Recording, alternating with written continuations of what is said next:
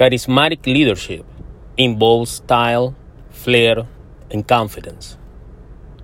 Here are three characteristics of charismatic leadership. Number one, communication. Charismatic leaders are great communicators. This skill helps to motivate employees through difficult times. Charismatic leaders are comfortable communicating one to one or in a group setting. Number two, humility.